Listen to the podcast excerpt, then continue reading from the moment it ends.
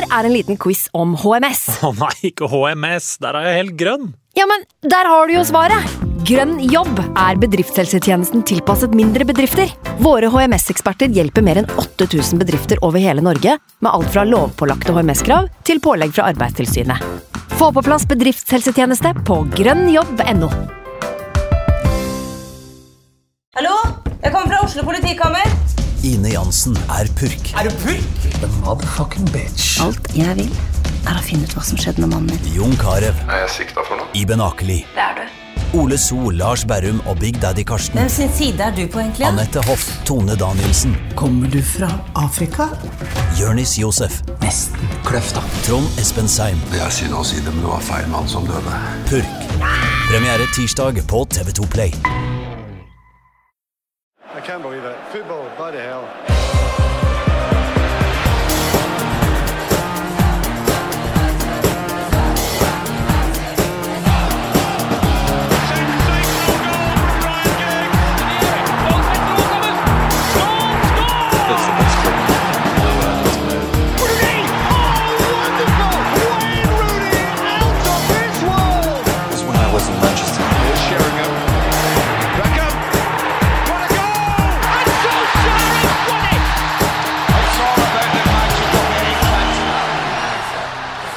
Vi er ditt eh, lys i mørket, din redning på streken, din eh, stang inn fra 40 meter i det 94. minutt i VM-finalen. Velkommen til United We-podkast i en tid hvor du kanskje trenger en podkast om Manchester United mer enn noen gang. I dag så har jeg bare med én gjest, men han er til gjengjeld så god at vi ikke trenger noen andre. Sven Bisgaard Sunde fra Heia Fotball på NRK P3, velkommen! Hallo! Å, det er så godt å ha deg, Sven. Lenge siden du har vært med her. Veldig lenge siden. Vi har jo eh, Veldig hyggelig å være tilbake. Du er jo en av de jeg har sett flest Manchester United-kamper sammen med. Ja, Opp gjennom historien. Mm. men vi eh, flytta til forskjellige byer akkurat idet det begynte å gå nedover. Så vi har liksom ikke hengt så mye sammen i disse litt mer sørgelige stundene. ja dessverre. Jeg, liksom, jeg husker jo en del eh, store oppgjør og mye positive United-kamper sammen med det, men etter du flytta, så har jeg jo sørga mye aleine. Ja, Ser du kamper aleine om dagen du også? Det gjør jeg også. skjønner du. Jeg gjør det, dessverre. Ja. Um, hvordan har du det akkurat nå, da? Altså, eh, jeg føler at Manchester United-supportere nå er jo eh, litt grann delt. Noen Noen er fortsatt veldig lojale til Ole Gunnar Solskjær og hans prosjekt, føler jeg, og har et slags behov for å være litt sånn verbale om det. Ja, Og ja. gi sin støtte. Og så har du en annen gjeng som enten surner hjemme alene og ikke sier noe, eller surner og legger det ut på sosiale medier. på en måte. Ja, jeg merker at det er jo litt av begge. Ja. For jeg surner jo, og eh, altså, jeg slenger mye dritt om Jesse Lingard, eksempel. Egentlig mest Jesse Lingard, eh, som er mitt store hatobjekt. Ja, Hvorfor er det hvorfor han det? For jeg syns han har vært så fryktelig dårlig, og så irriterer det meg at uh, hele det her J. Lings-merkevaren, uh, dette her entouraget hans sitt, Ja. uh, at han har et mediateam Og så hadde han jo, Nå hadde han jo en assist mot Rochdale, men jeg, tror, jeg leste et sted at da, da hadde han gått ni måneder uten målpoeng for Manchester United. Ni Ja. måneder uten målpoeng. Han har på en måte blitt en slags sånn parodi på en fotballspiller, nesten. Fordi han har alt det som er rundt, men ikke så mye på banen å gjøre. på en måte. Ja, det, det er utrolig frustrerende. Han, Ja. Og så har, har han jo vært et talent i United uh, i 15 år. Mm. Liksom, Han har liksom bare gått og venta på at han skal bli god, og så ble han på en måte god når han var 24 eller 25. Liksom, da hadde han en god sesong. Ja. Nå, men nå er han virker det som at han allerede er litt sånn mett. Eh, Mm. og blir, Det som har frustrert meg mest i det siste, er at det, det går rykter om at United liksom er i kontakt med teamet til Jesse Lingard for å prøve å tilby han ny kontrakt, men at det liksom, at det liksom trekker ut. Sånn at, At han ikke er helt fornøyd med de vilkårene han får. det sånn jeg tolker det. Mm. Og da, Det er så utrolig trist for Manchester United som klubb at vi har kommet til det stadiet at liksom Jesse Lingard kan eh, lansere klesmerket, eh, ikke levere på banen på ni måneder, og så eh, allikevel så ser vi oss nødt til liksom, vi er bare nødt til å sikre oss han fyren her videre. Ja. Og så er han sånn Ja, men vi får se. Ja. Vi får se om dette blir interessant. Men Hvis vi fjerner Jesse Lingard fra regnestykket, da, eh, hvordan ser du på ståa i Manchester United da? Nei, Da er jeg ganske positiv. Ja. Eh, og jeg, jeg er jo, jeg er jo en sånn fyr som et, Det første du sa med å forsvare Solskjær-prosjektet og ha troa på det, der er egentlig jeg, eh, Der kjente vi veldig igjen. For jeg har, jeg har veldig, fortsatt veldig troa på, på Solskjær-prosjektet. Og Mm. jeg syns han har gjort veldig mange av de tingene eh, jeg hadde håpet han skulle gjøre. Så selv om kanskje ikke resultatene har vært det beste, så digger jeg liksom eh, det han har gjort med å gi masse, masse unggutter sjansen. Eh, at han har, virker som han har prøvd å eh, omstrukturere klubben og begynte å få kvitta seg med en del av det der eh, dødkjøttet som har vært i stallen. Så at, mm. selvfølgelig, det er jo Akkurat nå føles det tungt at Lukaku eh, og Sanchez og sånn eh, er vekk, for at det er så tynt, men jeg synes bare det var deilig å få ut de, og få ut eh, eh, Fellaini og eh, Valencia. Det har vært så mye sånne spillere som bare har liksom vært der og tatt plass. Ja. Eh, men den stallen må jo kuttes ned og, og gi luft til eh, yngre talenter, så han, han må- komme inn og gjøre noe gartnerarbeid. Så der synes jeg, det, der, eh, der er jeg positiv.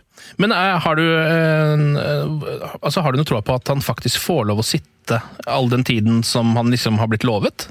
Det er jo det som er, det er, det som er problemet. Eh, for det har jeg jo egentlig ikke så Det har jeg jo ikke troa på. Eh, at klubben kommer til å ha mulighet eller eh, å tørre å være tålmodig med han i eh, to år til, som det sikkert trengs. da.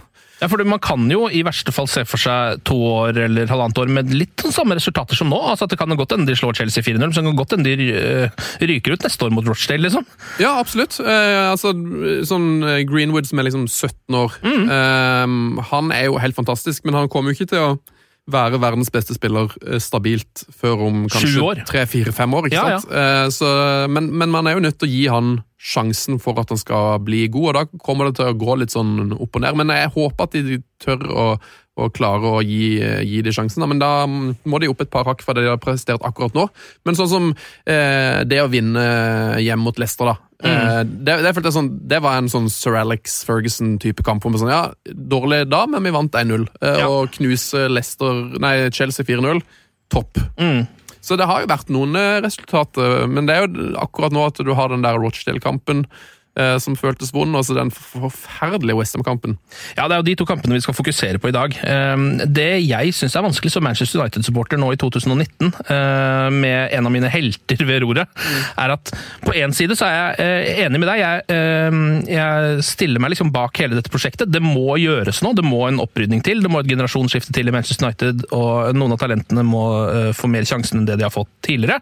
Og vi kan ikke fortsette å liksom hente inn type Matic-spillere som skal spille en sesong, og så passer de ikke inn i neste prosjekt osv. Men så er det jo også altså, alle disse kampene, da. Mellom hver, hver gang jeg liksom øh, sier til meg selv at dette prosjektet er helt riktig, vi må tenke på framtiden, la oss bare kjøre på. Og så er det plutselig lørdag, som jeg setter meg ned og ser på dette her. Ja, For det glemmer jeg litt innimellom. Ja. Og så er det bare sånn Å, herregud, det er sånn, ja. Det er så dårlig som Åh. dette.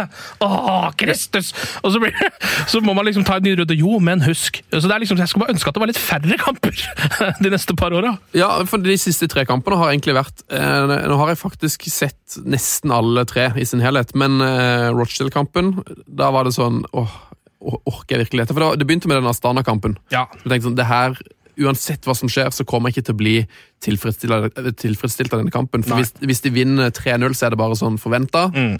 Eh, taper de, så kommer det til å være helt skandale. Uavgjort, forferdelig. Eh, så det var sånn, det, det, du har ingenting å vinne på å se den kampen. da. Nei, ikke sant? Og det er jo litt den følelsen man har nå. Ja, og Westham-kampen òg, det var jo den verste kampen de sin i fjor. var jo bort mot Westham. Mm. Eh, så jeg, jeg hadde liksom den friskt i minnet at det, det, i fjor så måtte jeg bare gå i den kampen. og vi var så dårlige. Så jeg grua meg fryktelig til å få den kampen. Men det var, det var, det var litt godt at sånn, jeg var ikke overraska over at de tapte mot Westham. Nei, ikke sant? For Det har, følte jeg liksom kunne komme. Eh, Ja. Så den, den hadde jeg stålsatt meg litt for. Og så var jeg egentlig litt positivt overraska mot uh, Rochdale. da. Ehm, for der syns jeg det var så gøy å se at eh, Det er gøy å se de der nye unge spillerne få sjansen. Det var veldig gøy å se Tuan Sebe. Mm. Det er jo funny å se Tahai Chong eh, få lov til å spille fotball eh, med det der ville håret sitt, selv om han var ikke noe, ikke noe god i den kampen. da. Um, men det var sånn det var en ligacupkamp som det hadde ikke gjort noe for meg om de hadde rykt ut der. For det, den ligacupen har jeg ikke noe lyst til å vinne uansett. Og det, bare, det var bare gøy å se, få se noen spillere, liksom. ja, jeg tenker jo at det, Nå skal vi snakke mer om den kampen også, men eh, at det positive med at de går videre, er jo sånn først og fremst at det har blitt flere kamper på alle ungguttene. Ja, At da får de enda flere sjanser på et litt lavere nivå enn Premier League, hvor de kan vise seg frem. da. ja. Og det var jo det var utrolig vakker den uh, historien om uh, Tuan Sebe. Så et uh, sitat på at han har jo da vært kaptein for Manchester United på U12, U14, U16, U17, U18, U19, U21 og nå eh, vært kaptein på A-laget. Så det var en pen og vakker historie, og, ak og akkurat det liksom jeg har savna i United egentlig siden Ferguson dro. da. At det der er noen eh, folk som er liksom stolte av å spille for eh, klubben, og Ja. noen med klubbfølelse. Som Mm. jeg trodde vi hadde i Lingard, men som jeg nå begynner å liksom miste troa på at han, at han er en United man. Jeg liker at den bitterheten til Lingard den kommer Den er stadig, enorm! Den kommer stadig tilbake! Åh, La oss, eh, merkevaren. Jay Links. uh, så du forresten, Vi snakka så vidt om dette her også i forrige podkast, men så du at Je- Jesse Lingard fikk en liten eh, eh, At han fikk litt mediestorm mot seg eh, under Fifa-lanseringa? Den syns jeg han fortjente. Ja, da Jesse Lingard har selvfølgelig fått det spillet før alle andre, eh, og folk blir drita sure når han legger ut bilde, eller når Fifa EA legger ut bilde av Jesse Lingard står her med spillet, og folk bare Jesse Lingard! Han klarer ikke, ikke engang det klarer han å. Promotere Fifa, det må være enkel jobb. altså. Reise rundt og promo- promotere det spillet der. Ja, det burde være enkelt. La oss eh, snakke litt om eh, kampene. da. Vi begynner med Westham, tar det kronologisk. Ja. Eh, Solskjær starta med samme elver som slo Leicester. Eh, Fred var jo ålreit mot Astana, men fikk allikevel ikke spille. Og så, men det er vel, jeg tenker vel at den lagoppstillinga gir seg vel kanskje litt sjøl. Det er jo de beste elleve United har, er det ikke da? Som spilte mot Leicester, og som også da spilte mot Westham. Uh, jo Ja, kanskje. I Eh, hvert fall med, med litt skader og sånn som du jo har. ja, de har, de har jo liksom ikke verdens eh, mest sexy lag, men jeg syns jo den uh, Når, når Shaw er ute, så er det den fireren bak med Young Maguire og Lindelöf og Wambisaka virker jo som å være det beste vi har, utrolig nok. Så ja, synes jeg, jeg trodde jeg skulle bli glad for å se liksom at Matic uh, skulle spille igjen, for jeg trodde at han, har, at han kanskje har noe mer å gi, selv om han var veldig dårlig i fjor. Mm. men det syns jeg var katastrofe, da. Ja, han hadde en dårlig kamp. Ja, han Eh, men eh, nei, Rashford og Daniel James og Andreas Pereira er jo bortimot eh, det beste vi har. Ja, faktisk. Eh, Det her var jo en, en kamp som jeg frykta litt. Litt sånn som du sa, det har ikke vært så bra mot Westham i det siste, egentlig. De har liksom litt taket vært spesielt på hjemmebane, så har liksom taket på United i det siste. Um, og kampen ble vel litt sånn som forventa. Um, jeg hadde jo man, jeg hadde liksom på en måte håpet litt på at vi skulle holde 0-0 lenge og så klare å snike inn et mål i andre omgang et sted. Men så blir det jo ikke sånn når Jarmolenko skårer et ganske sånn et mål ut av ingenting, egentlig. Ja. Rett før pause der. Eh, Det er så mye, det føler jeg er en sånn greie med at vi slipper inn så mye sånne mål. Ja. At det bare, du, du, du føler liksom at eh, kampen er ganske stabil, det, det skjer ingen farligheter, og så plutselig bare sånn bom. Ja, Så Nei, han ligger jo under 1-0, ja. Ja, hvis det er, hvis det er en, sånn, altså en sånn expected goal-sjanse på liksom 0,004, så scorer motstanderlaget på Manchester United.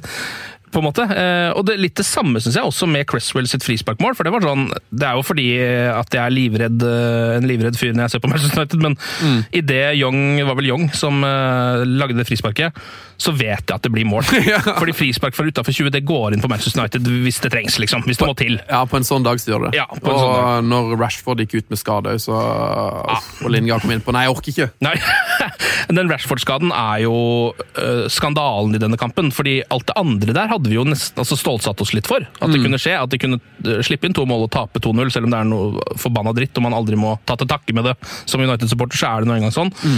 Men skaden på Rashford liksom kommer oppå det hele. Hva- jeg skjønner ikke hva som skjer med alle de skadene. Er det bare fordi de løper mer nå og får mer liksom, slitasjeskader, eller? Jeg, jeg leste en, eh, en veldig lystig eh, teori om akkurat dette. Eh, og det er jo det at United var så dårlig trent eh, under Mourinho, visstnok. Trente veldig lite. Um, og da når Solskjær kom inn, så begynte de å trene mer, og Solskjær ville jo at de skal være de som trener mest i Premier League, være best trent.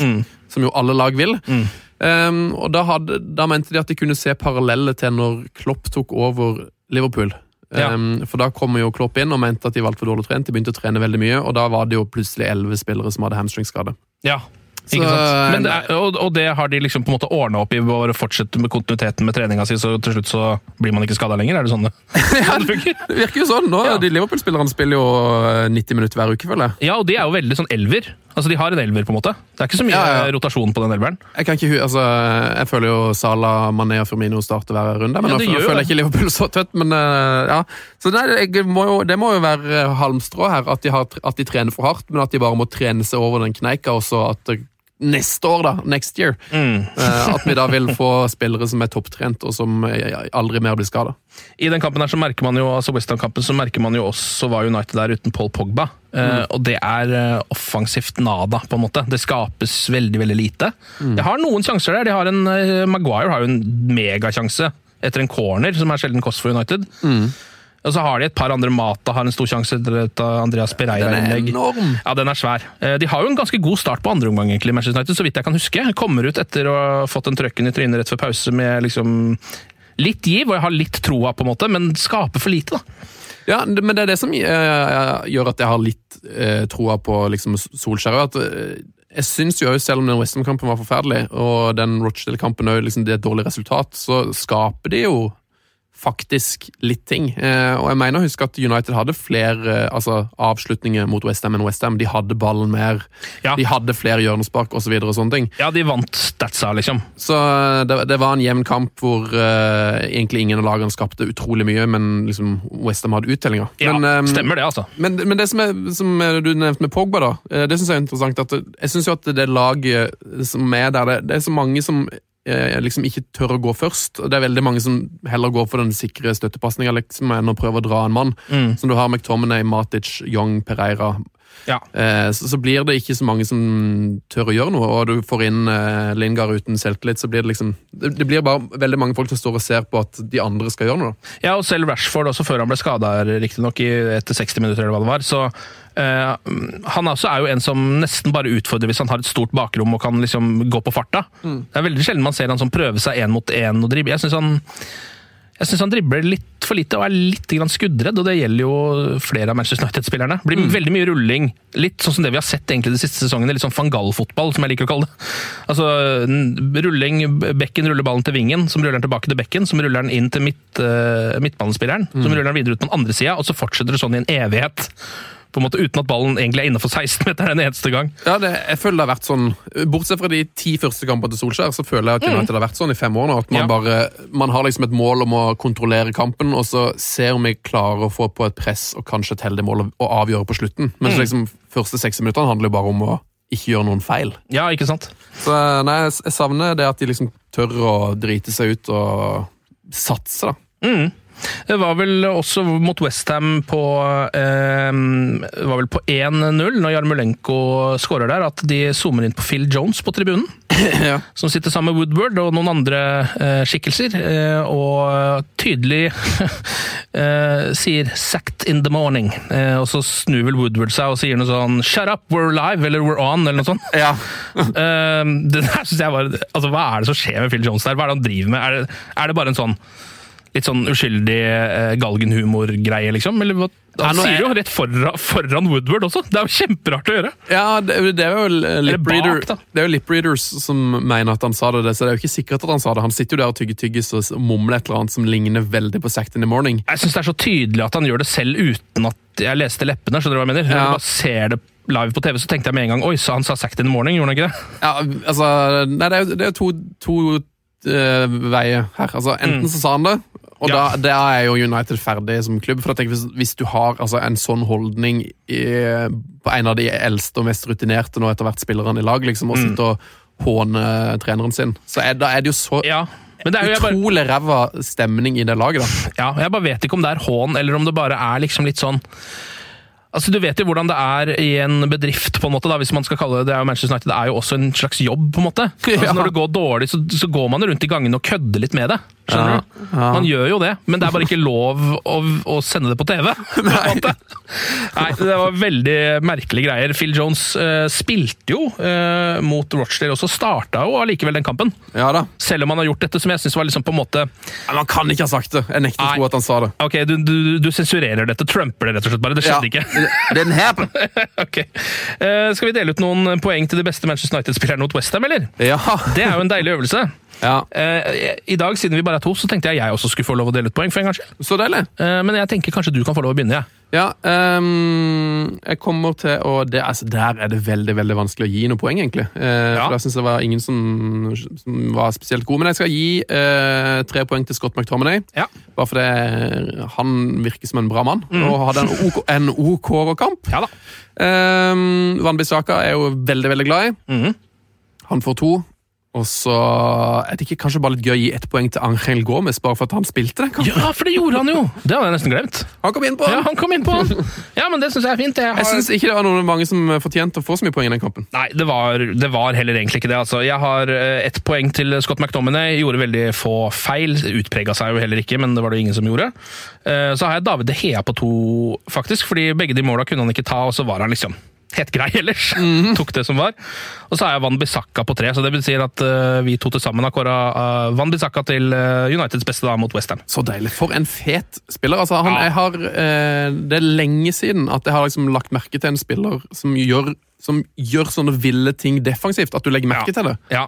For det er ofte sånn at du må nesten vente på highlightsene etterpå, når du bare får en sånn pakke hvor du ser sånn, at han vant liksom ti Ja, dueller. ja, han vant alle duellene så vidt, liksom. Ja. Men han vinner sånn spektakulære dueller. Han Ja. har så utrolig uh, Spiderman-bein og bare ja, ville, energisk spillestil. og Han er rå, rå type. Ja, Han er helt rå. Så synes jeg det er litt gøy, fordi sklitaklinga er jo på en måte litt død i fotball. Ja! Sånn, egentlig, altså, fordi Man får jo så mye kort på det, og sånn, så folk tør jo ikke å hoppe inn på samme måte som før. Han er ikke redd for sklitaklinger. Han, han, er jo, han må jo være verdens beste til å sklitakle. Altså, Mm. Det kan ikke være noen som er bedre på akkurat det der enn han. Jeg mistenker at han noen ganger eh, får en dårlig touch med vilje, eller liksom mister ballen med vilje bare for å kunne Ja, Det ser jo sånn ut noen ganger. vinne den opp igjen. Ja, han er, Det er hans dribling. Det er lettere for han å gå forbi vår fyr enn å drible han, tror jeg. Han hadde jo en sånn vill kamp i begynnelsen av sesongen hvor han hadde, hadde vunnet noe sånt eh, vunnet ballen elleve ganger tilbake. eller sånt. Som var liksom, Det var Ja. tre ganger så mye, med, så mye som noen andre på banen. Ja, ikke sant? Han er helt sjuk. Nei, han,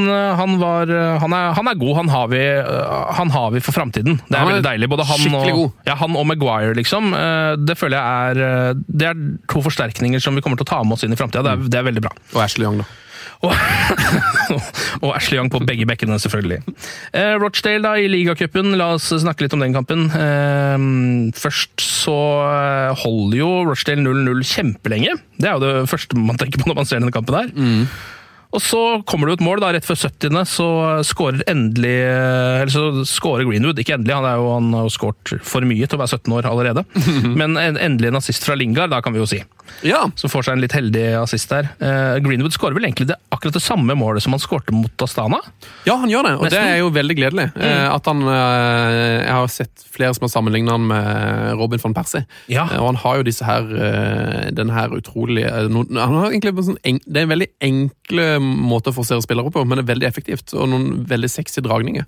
Ja, Så at han liksom kan han, også kan han skyte med begge bein. Så han bare ja, Det er vanskelig å sette fingeren på det, men det bare, han er bare god til å komme i skåringsposisjon inn i boksen. Ja, og for en framtid den gutten har. Altså 17 år gammel allerede. Det, det, jeg føler at uh, For en spiss så pleier ofte det vanskeligste er å liksom lære seg å avslutte bra. Altså Bevegelser og teknikk og fart og sånn kan man ofte eh, være ålreit på, og så blir man liksom 24 før man begynner å sette sjansene sine. Og han, allerede nå så er han altså, så notorisk foran mål.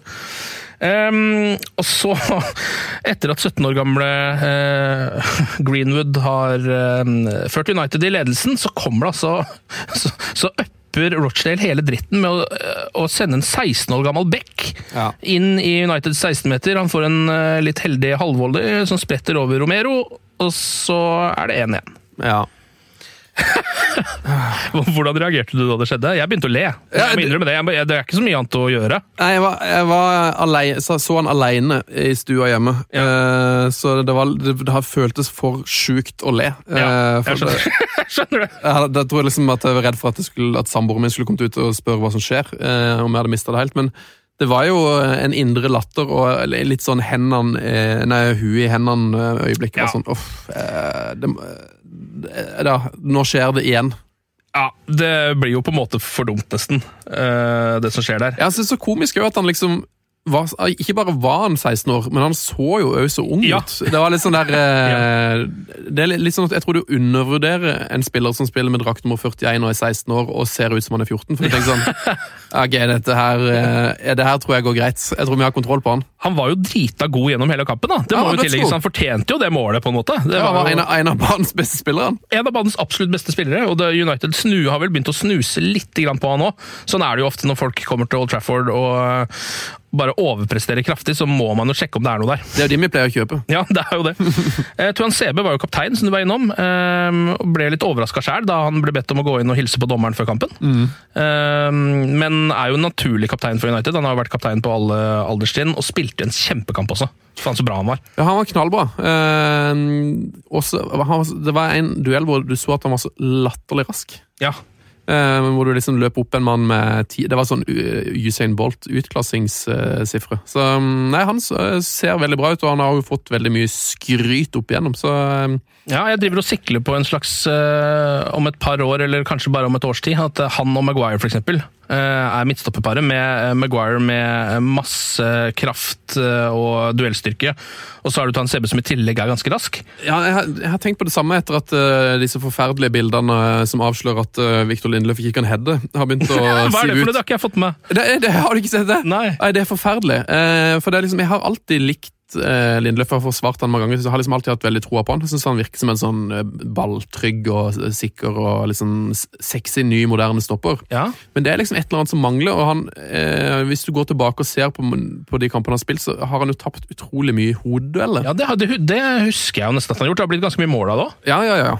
Eh, blant annet mot So 15 var vel han tapte vel den duellen mot Westergård, som jo for øvrig er to meter høy, da. Mm. Men eh, så um, var det studio, var vel før Westham-kampen, Uh, så var Mourinho i studio. Ja.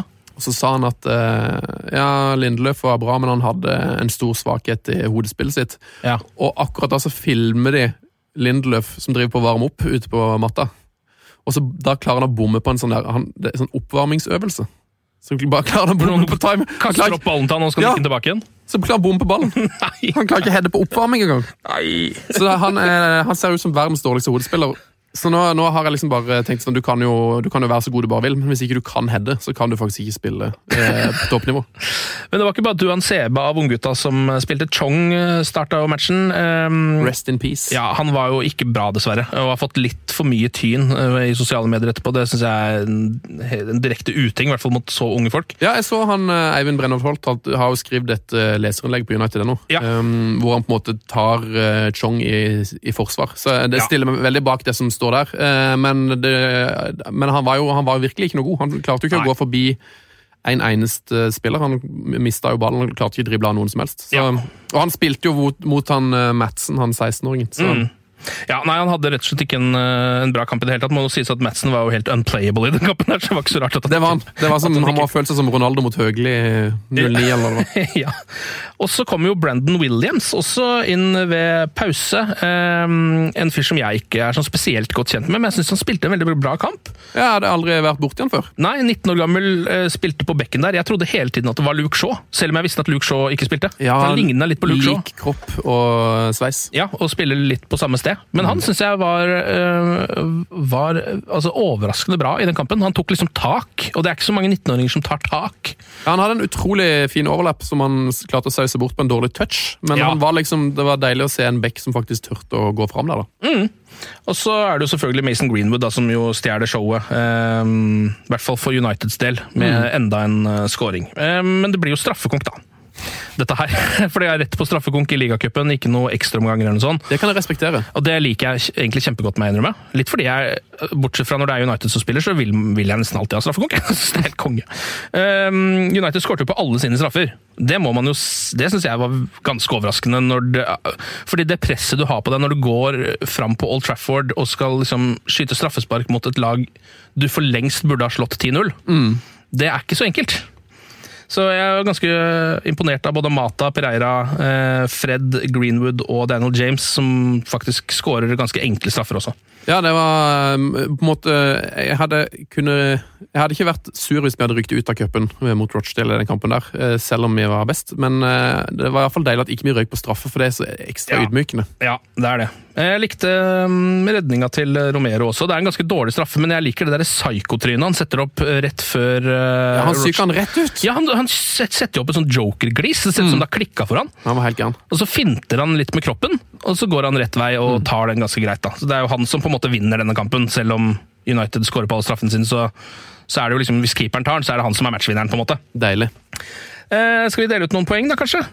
Ja. Til Uniteds beste mot uh, Rochdale. En uh, litt heldig straffekonkseier i ligacupen. Ja, uh, nei, Du nevnte jo Romero. Ja.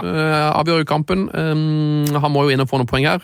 Og så tenker jeg jo at Mason Greenwood bør få noen poeng, og at faktisk Andreas Pereira ikke gjorde seg bort. Jeg synes jo, Det var jo veldig tydelig i den kampen her at jeg synes jo høyresida vår så liksom ut til å være litt sånn velfungerende, eh, mens Chong og Rojo på venstresida, det var jo bare helt eh, Ja. kaos. Ja, Rojo, ja. Mm. For en spiller. Ja, jeg kan være litt enig i de tingene. Jeg har, eh, jeg har satt Romero på ett poeng. Greenwood på to, mest pga. det målet, men også fordi han hadde en helt ålreit kamp. Og så Tuan Sebe syns jeg var banens beste spiller, altså. I hvert fall Uniteds beste, så han gir tre. Men det er koselig. Da gir jeg tre til Greenwood, eh, to til Tuan Sebe. Det synes jeg var et godt innspill. Ja. Eh, og så blir det ett til Romero, da. Ja, det er fint. det. Da er det Tuan Sebe som var bare Uniteds beste i den kampen, ifølge oss to, iallfall. Det er Chelsea som er neste motstander i ligacupen, eh, borte. Eh, Så da kan det hende du får eh, ønsket ditt oppfylt om at de ryker ut av den cupen, Sven. Ja! Jeg kan aldri se for meg at du skal klare å slå Chelsea i, den cupen. Nei, vi får se da. De har jo allerede knust Chelsea i år, men eh, det, akkurat nå så virker det veldig lenge siden. Av en eller annen grunn. Ja. Um, Jeg har ett ønske for den kampen, Ja. og det er at vi stiller med et enda dårligere lag enn vi gjorde nå. Jeg synes det er unødvendig å bruke Paul Pogba 90 minutter i ja, jeg tenkte, Det glemte jeg faktisk hvor bra du tok opp, fordi én ting som jeg syns var litt rart, var jo for det første at Paul Pogba spilte hele den kampen. Ja, han var, det var rykte at han skulle starte på benken. Det var sånn gladsak rett før kamp. Ja, Han skulle i hvert fall ikke spille 90 minutter. Pog- Pogba skal kanskje starte på benken. Han er, han er tilbake nå. Ja, um, og Han spilte altså hele kampen, eh, og fikk seg jo også en liten skade der, så nå er det mulig han ikke kan spille mot Arsenal. Som er veldig irriterende. Men jeg syns også det var litt rart at når han da spiller, um, og man stiller med det laget, at han ikke er kaptein. At det er Tuan Sebe som er kaptein. Ja. Er ikke det, er ikke det litt sånn Altså, Paul Pogba har jo kapteinsambisjoner, eller i hvert fall folk har nevnt at han er en framtidig United-kaptein. på en måte. Og så er han så langt bak i køen at liksom Tuan Sebe, som jo mm, knapt nok på en måte har spilt eh, Spilt for A-laget, plutselig bare tar det bindet. Det er litt rart. Ja, veldig, ja, det er litt snodig. Men eh, jeg tror jo Solskjær eh, har veldig lyst til å understreke hele dette her uh, generasjonsskiftet-greia nå, at han liksom gir unge gutter eh, en sjanse, da. Så det er jo en, det er jo en ganske smart måte å sikre seg en overskrift i avisa på. Ja. Ehm, og gi han det kapteinspinnet, da. Og så ja, så kanskje han prøver å motivere Pogba på et eller annet eh, vis. Men eh, det er litt snodig, men eh, det er på en måte den beste forklaringen jeg kan se. da, At, mm. at det ser veldig flott ut å kunne gi Tuan Sebe den gesten. da. Ja. Vi har fått et, eh, eller ikke vi, men eh, på eh, United.no sin side på Facebook, altså supporterklubben sin side, så har det kommet et ganske morsomt spørsmål synes jeg, fra en som heter Fredrik. Fredrik Grønstad. Dette var etter Westham-kampen, så skriver han etter dagens fadese er det mulig Er det mange fans som er både sinte og frustrerte på situasjonen i United. Derfor lurer jeg på hva slags lagoppstilling du føler vi kunne ha, og burde ha stilt med nå i 2019, dersom de tre-fire siste årene hadde blitt gjort annerledes. Og da sier han da at han setter en viss norm for realisme og sannsynlighet her, så dette her er ikke et drømmelag. Men liksom, eh, hvis man hadde beholdt noen av de spillerne man solgte, kanskje fått tak i noen av de som man av en eller annen grunn ikke gikk for osv., da, i løpet av de siste årene. Og jeg tenker kanskje at vi kan ta, det eh, istedenfor uh, tre-fire år, så ta det fire-fem år tilbake, fordi da er vi på liksom førstesesongen til Louis van Hall. Fantastisk et spørsmål. fi- ja, ikke sant? Det er et veldig bra spørsmål, Fredrik. Han er et geni. ja, det er det faktisk. ja. Så jeg tenkte at kanskje vi, kan ikke, Er ikke dette litt gøy? Kan ikke vi eh, drodle litt på dette og se hva, eh, hva det kunne ha blitt hvis og dersom og sånn, da. Ja. Hvis vi liksom ser litt på 2014-15 Um, Stallen til Manchester United, så er det jo Det er mye rart der. Anders Lind går i mål. Ja, for eksempel. Eh, og etter hvert så kommer det liksom inn litt uh, Herregud, det er veldig mye rart. Ja, Har du det foran deg, eller? Ja. Ja, er, er, er Schneiderlin og Schweine kommet inn ennå, eller var det året etter? Uh, de har ikke kommet inn ennå, men altså, du har jo da Andreas Pereira var der jo allerede, da. Ja. Guillermo Varela, Wilfried Saha, Andersson, Kagawa Andersson! Han skulle vi snakke om etterpå, for han la, har akkurat lagt opp. har han det?! Ja. Legenden. Ja. Nei, Ashley Young var jo selvfølgelig der. Daily Blindt, Danny Welbeck, Anders Lindegård, Smalling, Janusai, Rooney, Falcao, Angel Di Maria. ja.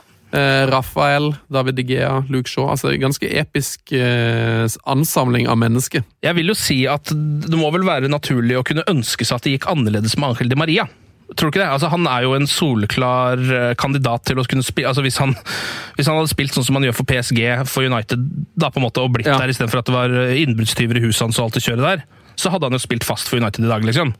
Ja, absolutt. Så. Jeg syns det er så mange sånne spillere. Jeg, jeg tenker faktisk eh, nesten det samme om Shinji Kagawa. Um, Ja, men altså, Han vi- føler jeg falt litt når han gikk tilbake til Dortmund også. Han, Jo, jo, jo, jo, men hvis vi tar oppgaven til han eh, kompis her eh, på alvor, så sier han liksom hvis, Det han på en måte sier, er at hvis, hvis alt hadde gått veien, hvis alt hadde blitt gjort riktig Ja, Og jeg, når Kagawa kom til United, så syns jeg han var helt fantastisk. Da var han vel 23 eller 24 år. Men han fikk liksom aldri sjansen, og jeg, jeg tror bare det Jeg tror egentlig bare det bare drepte all selvtilliten hans hele det United-oppholdet. Ja. Så Det var liksom United-tida som tok knekken på han. da. ja, det kan jo hende. Men i en, i en perfekt verden, da, eh, hvor jeg hadde vært manager for Manchester United, så, så tror jeg faktisk det har en viss sjanse for at Shinji Kagawa, liksom, eh, hvis United hadde vunnet ligaen tre av de siste fem årene, og liksom hadde, alt hadde vært rosenrødt, da, at han fortsatt kunne vært en spiller som hadde kun, kunne vært United i år og bidratt fortsatt Ja. på et eller annet nivå. da. Jeg tenker også at Wilfried Saha hadde vært en soleklar kandidat på dagens United-lag. Altså For det første så er han britisk, selv om han spiller vel for Elfenbenskysten, tror jeg. Men han er jo engelsk, eh, og så er han rask, eh, og han er heller ikke gammel. Så han passer jo egentlig perfekt inn på de vingene der. Han kunne spilt høyreving, han liksom. Mm. Så han synes jeg er litt sånn Jeg syns det var det selv på den tiden. Mm. Da de solgte han, så var jeg sånn Hæ, men han, han er jo god! Han kommer jo til å, bli, han kommer til å spille fast her, han etter hvert. Men Ja, så så solgte de han bare. Syns det var litt rart. Ja, Det var jo Fergusons uh, siste kjøp. Men Ja. nei, jeg, jeg backer jo helt på det du sier på Di Maria. Han, var jo liksom, han skulle jo bli verdens beste uh, fotballspiller. Han. Mm. han ble vel kåret til verdens tredje beste spiller sånn, når han kom til United, og var god de første fem-ti kampene før alt bare skar seg. Han måtte reise tilbake til Paris.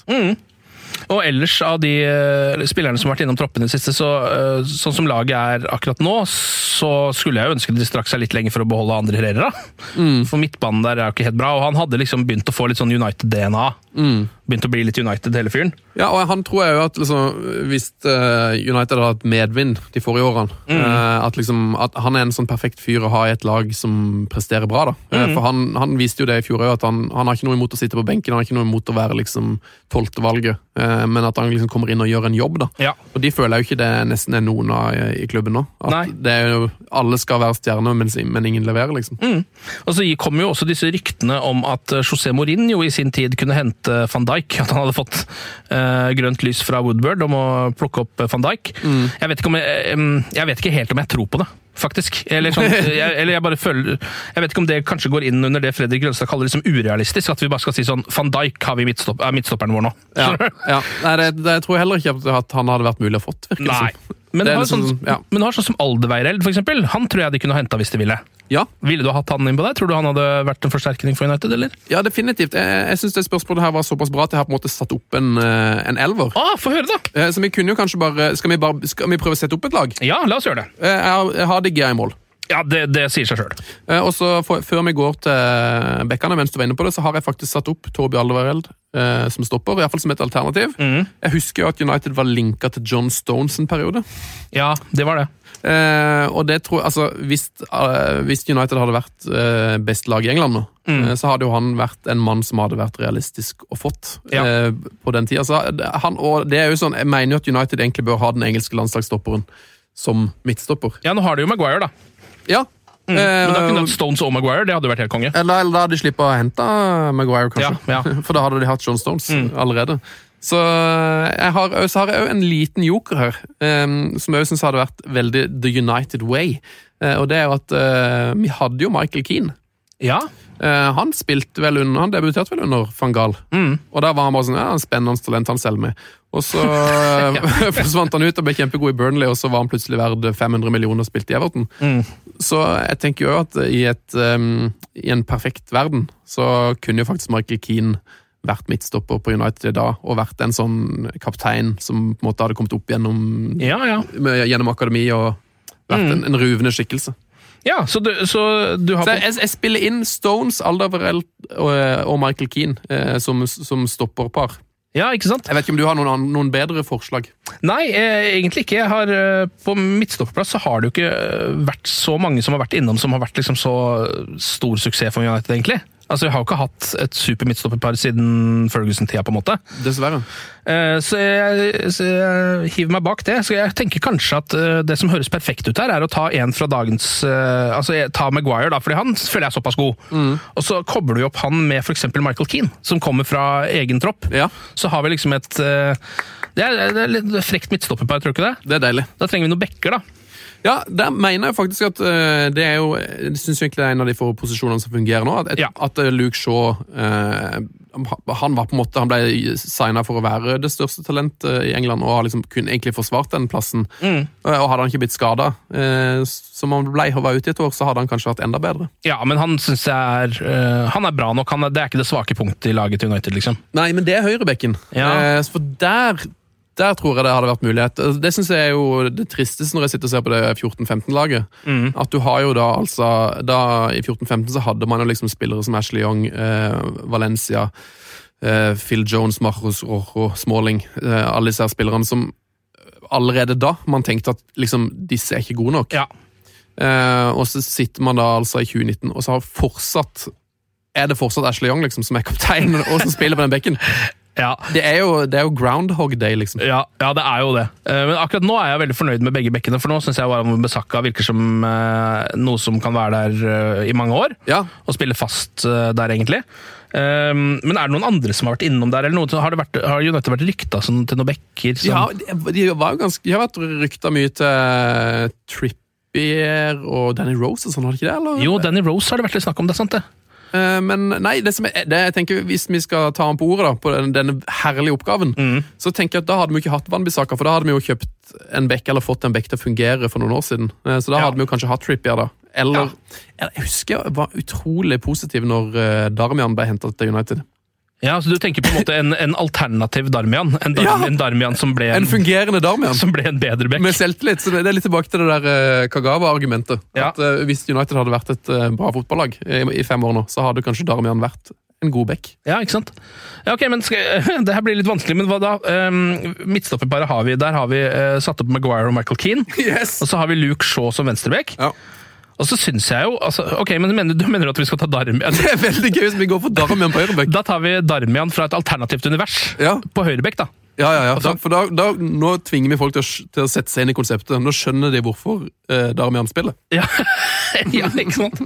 Eh, Da er vi over på midtbanen. Eh, Der mener jeg jo at, vi, at Paul Pogba fortsatt bare burde være der. tror du ikke det? Jo. Det er ikke så mye, mange bedre folk United kan hente enn han. Nei, det er i så fall en alternativ Paul Pogba. Ja, ja Paul Sånn som Pogba. Darmian. At det er en, Pogba i Juventus, for eksempel.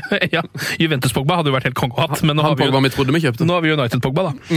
Og så har du jo eh, United har snus på noen spillere. Nå har I det siste så har f.eks. Christian Eriksen vært litt inne i loopen der. Eh, og så var jo innom Angel Di Maria, også, som jo er en midtbanespiller slash wing, som jeg mener de burde ha Eller jeg bare skulle ønske at det gikk bedre med han. Syns det var så spennende da han kom. Så han vil jeg gjerne ha inn der, kjenner jeg. Di Maria må være med på midten. Ja. Eh, Di Maria Pogba. Eh, og så har jeg jo en Altså, jeg føler òg at um, tidligere United-utgave, altså under Ferguson og sånn, jeg tror kanskje Ferguson hadde kommet til å hente Dele Alli for, Ja. for to-tre år siden. ja. Eh, så liksom hvis, men eh, nå tror jeg ikke United er attraktive nok til at Del Alli skal gidde å gå til United, men på en måte, hvis United hadde vært en, en, en skikkelig storklubb og som alle hadde lyst til å spille for, så, så mener jeg liksom Del Alli hadde vært en typisk uh, signering liksom, som Ja. vi hadde hatt. ja, fordi han er ung og engelsk, på en måte. Ja, Ja. United er jo på en måte det laget som har hatt mest engelske eh, engelsk profil opp igjennom. Ja, fordi det har vært storlag i England, så har de plukka opp alle de. Det har liksom vært Englands Rosenborg, eller hva man Ja. skal si. Um, ja, ok, men det, ja, det liker jeg litt. Det er spennende. Dele Alli, ja. Dele Alli og Paul så- Paul Pogba på sentral midtbane. Ja, skal vi, skal vi gå for det? Er ikke det litt spennende? Gjerne. Det er gøy, det. Og så har vi Arnold Di Maria kanskje på venstrekant, da. Eh, Da trenger vi en høyrekant, og så trenger vi et par spisser, sannsynligvis. Hvis vi går for 4-4-2, bare fordi det er enkelt å gjøre. Eh, På høyrekanten, hvem er det som har spilt der opp igjennom? Vi har, da Wilfried Saha vil jo jeg skyte inn, jeg mener at han er en soleklar kandidat der. Ja, den er veldig sexy. Eh, og så har vi jo Mkhitaryan spilte jo der i noen år. Eh, eller ja, spilte litt, i hvert fall. Ja, han, ja men han var, jo, det, han var jo best på venstre, men det, ja, det Mm, det Di. Maria, Di Maria kan jo for så vidt spille på høyre òg, da. Ja, det er sant. Eh, ja, nei, Mkhitaryan er jo en sånn spiller som jeg mener Det føltes veldig riktig at han skulle til United, og så bare døde selvtilliten, og så bare ble han solgt før han liksom har kommet i gang. Så Di Maria Ja. og Mkhitaryan er jo et, et drømmevingpar i en perfekt verden. Ja, i en perfekt verden. Altså, Mkhitaryan ble jo For han også var sånn som kom til United og døde litt, litt sånn som Kagawa. Altså, det er noe med de Dortmund-spillerne Ja, som eh, på en måte Fordi nå er han jo heller altså, nå er, han, er det i Roma han er nå, eller Mkhitaryan? Nå er han i Roma, ja. Ja. Eh, Han har jo, hatt, har jo ikke vært noe spesielt god i Arsenal heller. Nei, han hadde jo det. eh, Han hadde assist uh, hat trick, som var ganske sexy. Ja, men ja. ja, han, han var vel litt sånn som i United at han var, han var veldig mye borte i mange kamper. Så hadde han noen helt sinnssykt gode kamper. Ja, ikke sant? Men vet du hva, For å understreke et slags poeng her, nemlig det med, med Wilfried Saha, så tror jeg vi kjører han på høyre. Fordi han, han er på en måte god i dag også, fortsatt. Selv om han ikke er så bra som han var i fjor. Yes! Men, ok, men nå begynner vi å ligne på noe. Da trenger vi noen spisser. Eh, er det noen av dagens spisser som får plass der, da? Eh, Martial eller Rashford, for eksempel? Eh, ja, begge de er jo egentlig fine. Uh, Ja, Skårer ikke nok mål, da. det gjør de ikke. Så Derfor så vil jeg også kaste inn Zlatan Ibrahimovic. Ja. I en perfekt verden så hadde ikke Zlatan Ibrahimovic blitt skada, Nei. sånn at han ikke fikk spille halve sesongen. Da hadde, han, da hadde han spilt fortsatt og vært helt vill. Ja, ja, Han hadde vært liksom denne sesongens svar på det året vi hadde Henke Larsson Ja. i tre måneder. Ja, Han hadde bare han bare lært det sånn mm, Ja, ja, ja. klasse. Men det hadde han jo. Han hadde jo det. Ja, jeg føler det. Rashford og Zlatan på Ja! topp! Rashford og Zlatan på topp! Faen, det her er jo kongelag, det her, da. Da har vi altså uh, gått for De Hea uh, i mål, og så har vi et midtstopperpar bestående av Michael Keane og Harry Maguire. Yes! På venstrebekk har vi Luke Shaw, på høyrebekk har vi uh, Darmian fra et alternativt univers. det er bra lag her. Venstrekanten er Angel Di Maria, og så har vi en uh, midtstopperduo med Dele Alli, faktisk. Fordi han mente vi at uh, hadde blitt henta hvis det hadde gått bedre med United de siste åra. Ja, Og Paul Pogba. Og så har vi da På sentral midt, ja. ja, ja, ja, mm. Wilf Saha på høyrekant, og ikke minst Rashford og Zlatan på topp! For et lag. Det er et deilig lag. Ja, det er et nydelig lag. Okay. Eh, på benken vil jeg gjerne ha Andersson og Mata òg. Ja, Andersson og Mata. Vi skal snakke om Andersson nå. Eh, Andersson har lagt opp. Dessverre. Eh, Eller kanskje heldigvis. Han gjorde det midt i sesongen. Eh, Han er 31 år gammel, bare. Ja. Han spilte sist i Adana Demirspor i Tyrkia. Eh, Han har vært i Tyrkia, Ja, han har vært i Tyrkia. Han, han, han spilte bare noen kamper, da. Ti kamper eller noe sånt. Kongefyr. Han har jo altså hatt en så rar karriere, fordi um, hele karrieren hans visna med Ferguson. Med en gang Ferguson gikk ut døra på Old Trafford, så gikk egentlig Andersson i, i ånd også ut den døra. Ja. Han spilte jo den, he, altså den siste kampen under Ferguson, du husker den der 5-5-kampen mot West Bromwich? Ja. Så spilte Andersson hele kampen. 90 minutter. Ja, han spilte 90 minutter. Siden så har han ikke spilt 90 minutter, sannsynligvis. Så etter at Moyes kom inn, så lånte han Andersson ut til Fiorentina. Der var han bare drit. Og så ble han solgt tilbake til Brasil, trengte oksygenmaske underveis i kampene og sånn. Bomma på noe straffespark. Eh, bare drit. Ja. Solgt til Tyrkia, bare drit. La opp. er ikke det rart? Det, eller, det er ikke rart hvis du har fulgt uh, Andersson på Instagram. For at, um, i hans slutt, sluttperioden i Manchester United så var det jeg husker jeg, Han la bare ut sånne videoer at han sto hjemme og spiste sjokolade og øvde på å være DJ. For han sånn full miksepult i stua, så han sto liksom og var DJ, miksa låter. Spiste sykt mye sjokolade. Han er jo partyboy, eh, og kanskje litt for glad i mat. Han gikk jo litt opp og ned i vekt i løpet av den tida. i Men det er liksom det man kommer til å huske fra Andersson, er jo eh, er, For meg så er det to ting. Det er den eh, sinnssyke, men gøye perioden hvor Andersson og Tom Cleverley var midtbanen vår. ja. Eh, jeg tror vi var vel da vi drev knuste Arsenal og holdt på noe voldsomt der. Og så er det jo straffesparket hans i Champions League-finalen i Moskva i 2008. ja, Tok han det med feil bein, eller? Nei, jeg tror han tok det med venstre, altså med riktig bein, men han ble jo satt inn for å ta straffesparket. Ja, Og da var hun jo ung, og hun hadde nesten ikke spilt Uh, for United. Banka han jo inn, og United eh, tok med seg pokalen hjem, da. Så takk for alt til Andersson. å, vakkert. Nå er det eh, Arsenal som er neste motstandersvenn. Um, Det blir tap.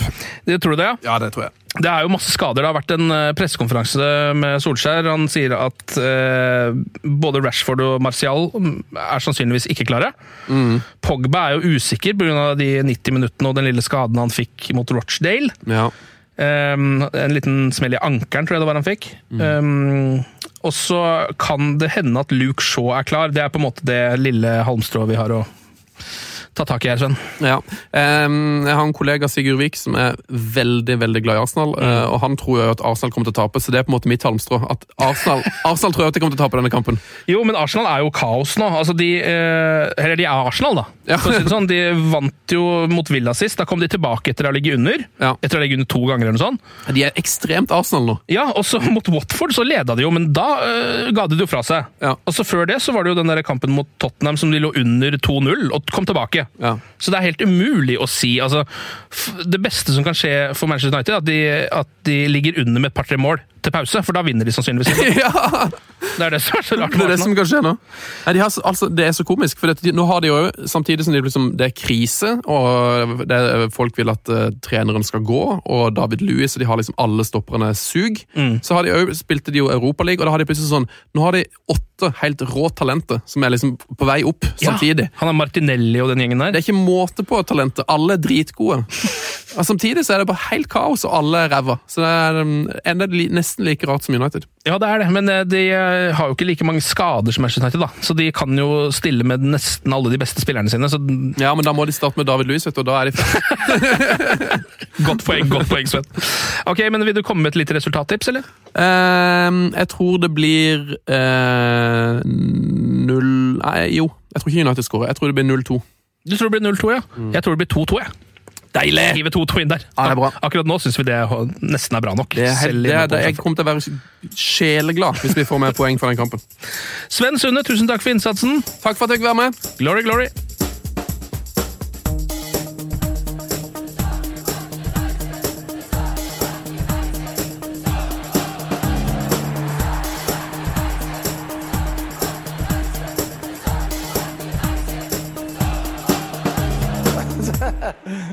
True. I've seen many things. Moderne media. Ukens annonsør det er matkasseleverandøren Hello Fresh. Der kan du velge mellom 25 ulike oppskrifter hver uke, eller få Hello Fresh til å sette sammen en meny for deg. Jeg sparer tid på å handle, oppskriftene er veldig enkle å lage, og så får jeg akkurat det jeg trenger da, til hver eneste rett, så jeg slipper å kaste så mye mat som jeg vanligvis gjør. Det er også litt deilig å faktisk slippe å gå på butikken, ikke bare fordi det er tidkrevende og sånn, men fordi man ender opp med å kjøpe så mye greier som man egentlig ikke trenger, sånn som fire poser eh, Smash og en kick med havsalt, eksempel. Det er ikke det du egentlig er der for, du er der for å kjøpe, kjøpe middag.